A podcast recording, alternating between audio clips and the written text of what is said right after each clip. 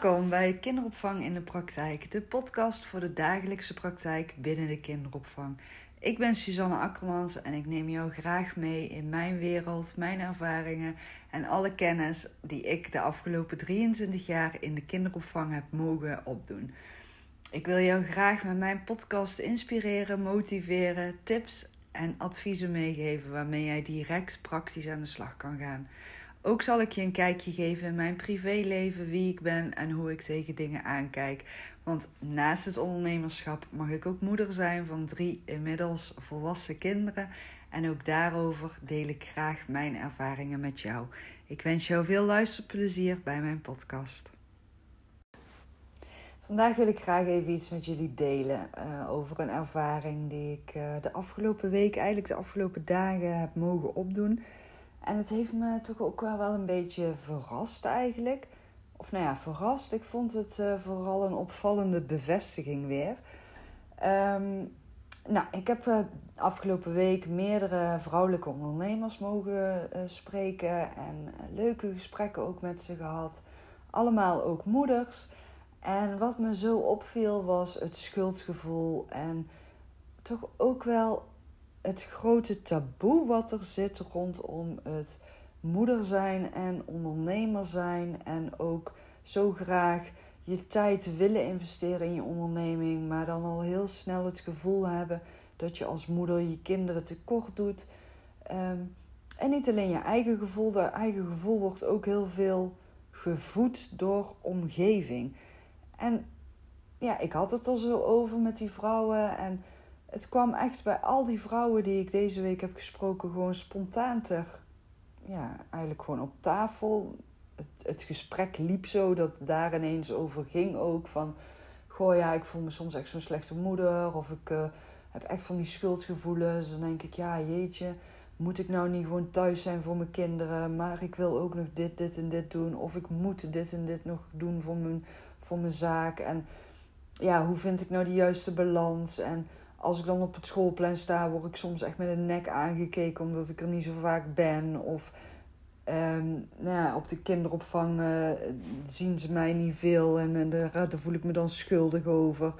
En uh, ja, ik ben zoveel van huis weg, maar het maakt me wel gewoon heel erg gelukkig. En soms voel ik me zo zoekende en zo onzeker in het moeder zijn, maar ook in het ondernemen. Die combinatie dan voor, vooral toen dacht ik echt, ja, maar het is toch eigenlijk gewoon heel raar dat er nog zo'n groot taboe omheen hangt ook. En dat er nog zoveel negatieve reacties op komen ook. Als je bijvoorbeeld eens een keer openlijk en eerlijk uitspreekt van...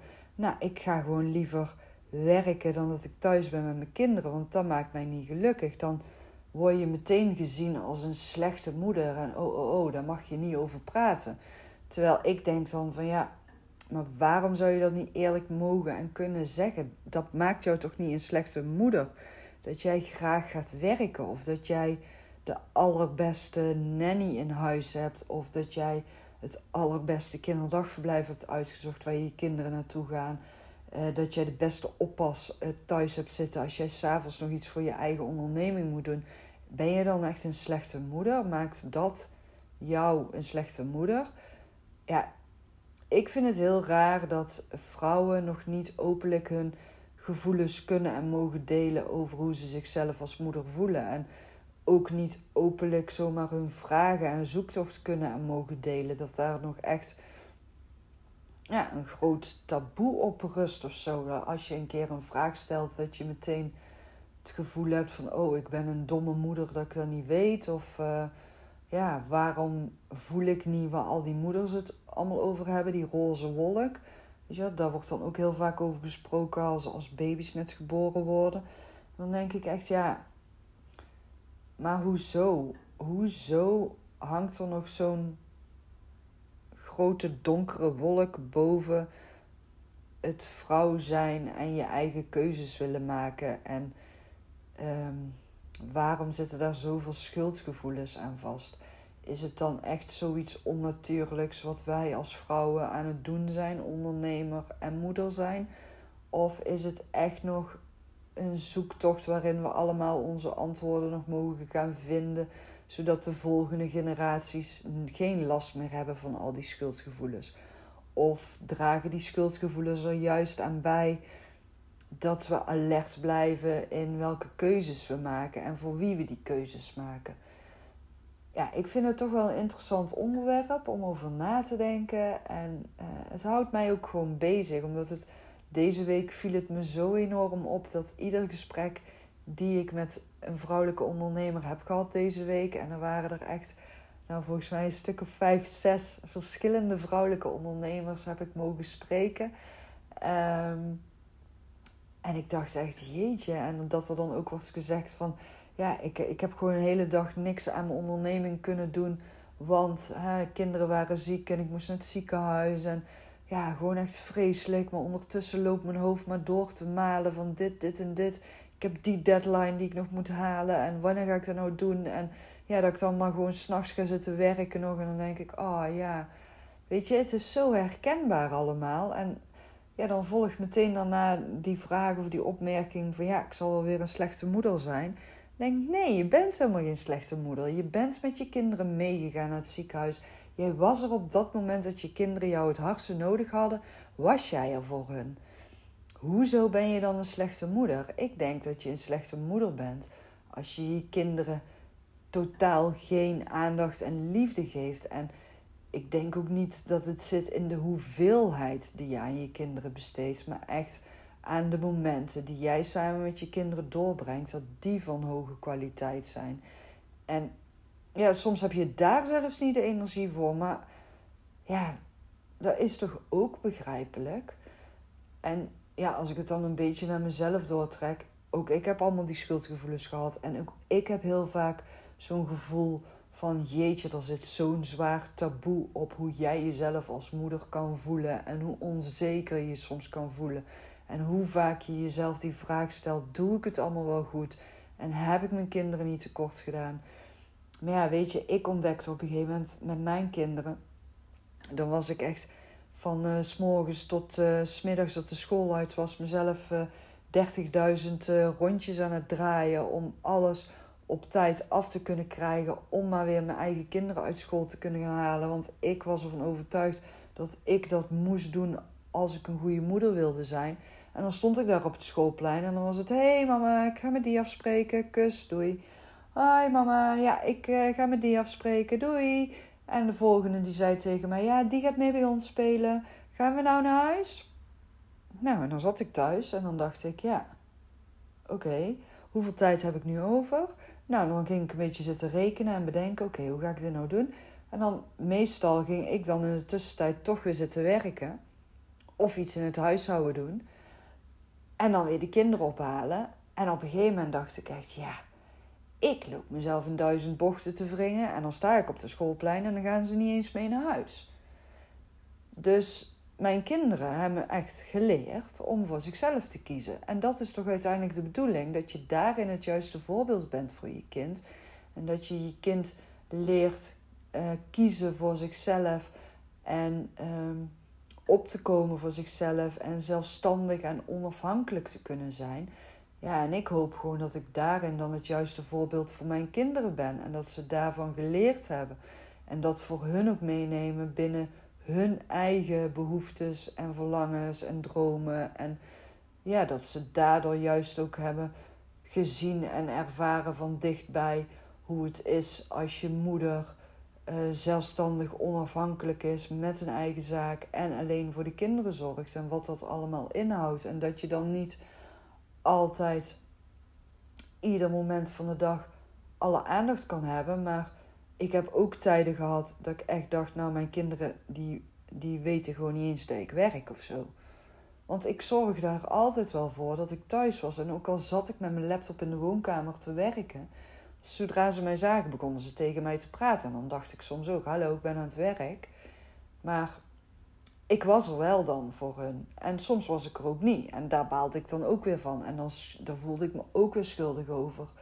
Maar ik denk ook dat dat schuldgevoel heel erg voort is gekomen bij mij dan. Vanuit reacties vanuit de omgeving. Zo van ja, je bent dan al hè, tijd die alleenstaande moeder. En dan heb je ook nog een eigen zaak. Ja, dan zal het wel in jou liggen dat je je kinderen tekort doet. En als er dan iets een keer was met de kinderen, ja, dan ligt het allemaal aan jou. Want jij bent die drukke moeder die altijd aan het werk is. Terwijl ik dan echt dacht van nou, hoezo ligt het dan aan mij? En ja, het heeft me ook onzeker gemaakt. En het heeft me ook verdrietig gemaakt. En ik heb ook heel vaak aan mezelf getwijfeld. En als ik nu terugdenk aan die jaren en aan al die reacties die ik allemaal voor mijn voeten gegooid heb gekregen, dan denk ik nu echt werkelijk waar. Hoezo ben ik aan mezelf gaan twijfelen? Al die mensen die mij die kritiek hebben gegeven, die stonden niet in mijn schoenen. Dus het is nogal makkelijk om een oordeel te hebben. En dan denk ik, hou lekker van je oordeel voor je als je niet weet hoe de situatie is.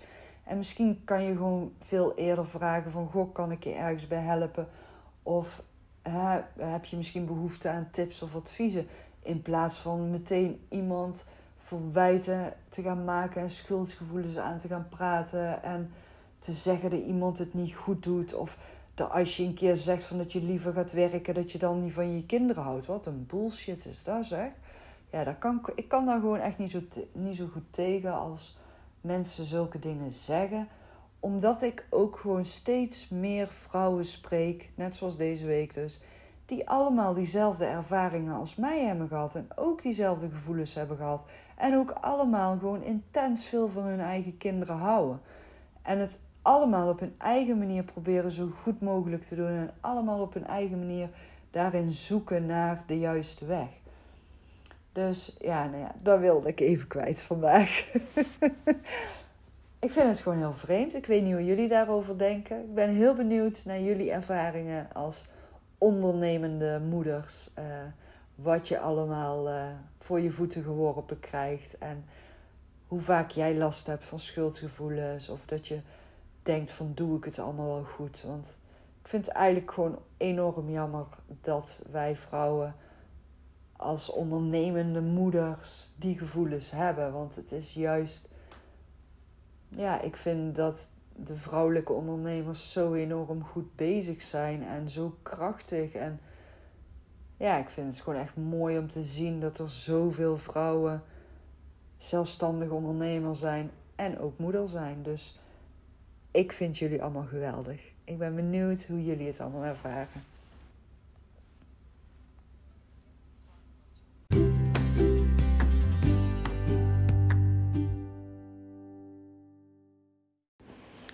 Ja, dat was weer een podcast van mij, Suzanne Akkermans, kinderopvang in de praktijk. Dankjewel voor het luisteren. Mocht je nou interesse hebben in ehm, samenwerking met mij of wil je echt van mij nog heel veel dingen gaan leren, weet dan dat ik ook een online kinderopvang praktijkacademie heb waarin ik verschillende online uh, praktische programma's aanbied, heel laagdrempelig, heel makkelijk toepasbaar.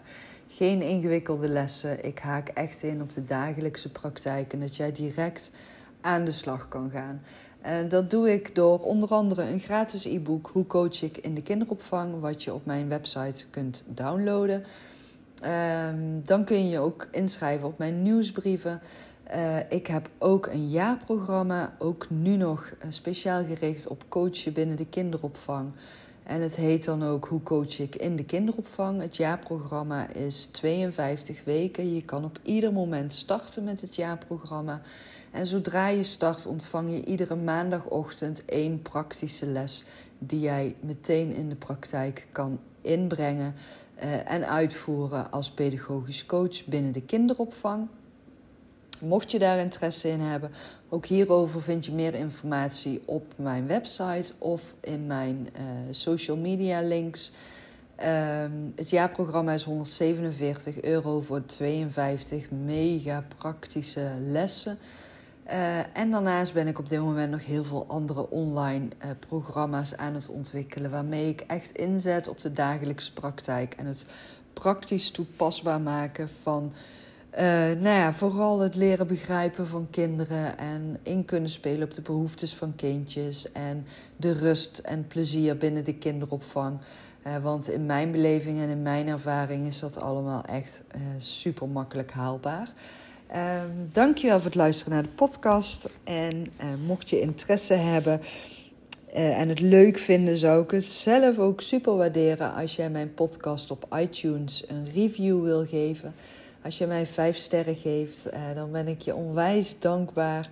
Want daardoor uh, kunnen steeds meer mensen mijn podcast ontdekken.